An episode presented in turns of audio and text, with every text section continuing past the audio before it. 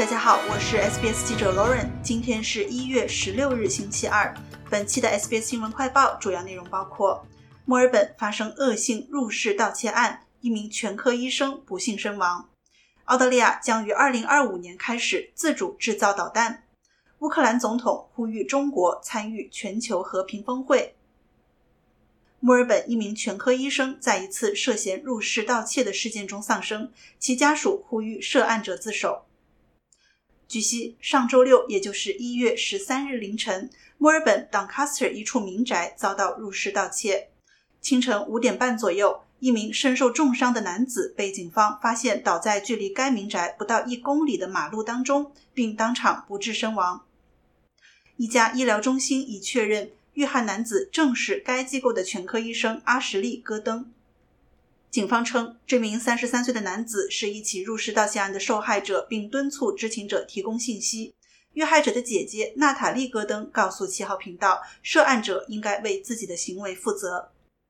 Hand yourself in, wear the consequences, and let us punish you because you will never imagine what we're feeling. 自首吧，承担后果，让我们来惩罚你。因为你无法想象我们正在经历什么。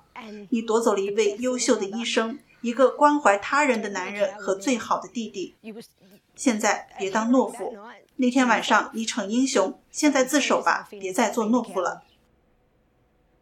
另一方面，联邦政府宣布，澳大利亚将于2025年开始自主生产导弹。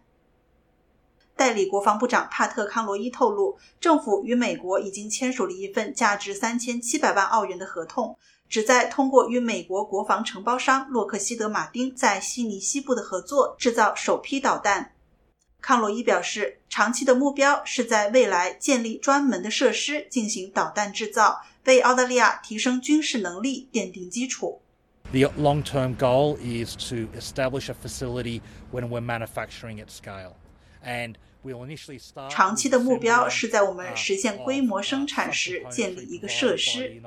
最初，我们将开始组装美国提供的导弹子部件，然后长期目标是在澳大利亚发展制造导弹各方面的能力。国际方面，乌克兰总统弗拉基米尔·泽连斯基表示，他期望中国积极参与全球和平峰会，协助解决俄罗斯对乌克兰的战争。本周一，瑞士总统维奥拉·阿莫德宣布，该国将承办此次峰会，并已经启动相关筹备工作。身为中立国的瑞士，此前曾充当过解决冲突的中间人，现在则希望找到方案，解决因俄罗斯于2022年2月24日出兵入侵乌克兰而引发的战争。泽连斯基于周一抵达了瑞士，参加达沃斯世界经济论坛，并会见瑞士官员。他呼吁各国共同努力，全面对俄罗斯实施制裁。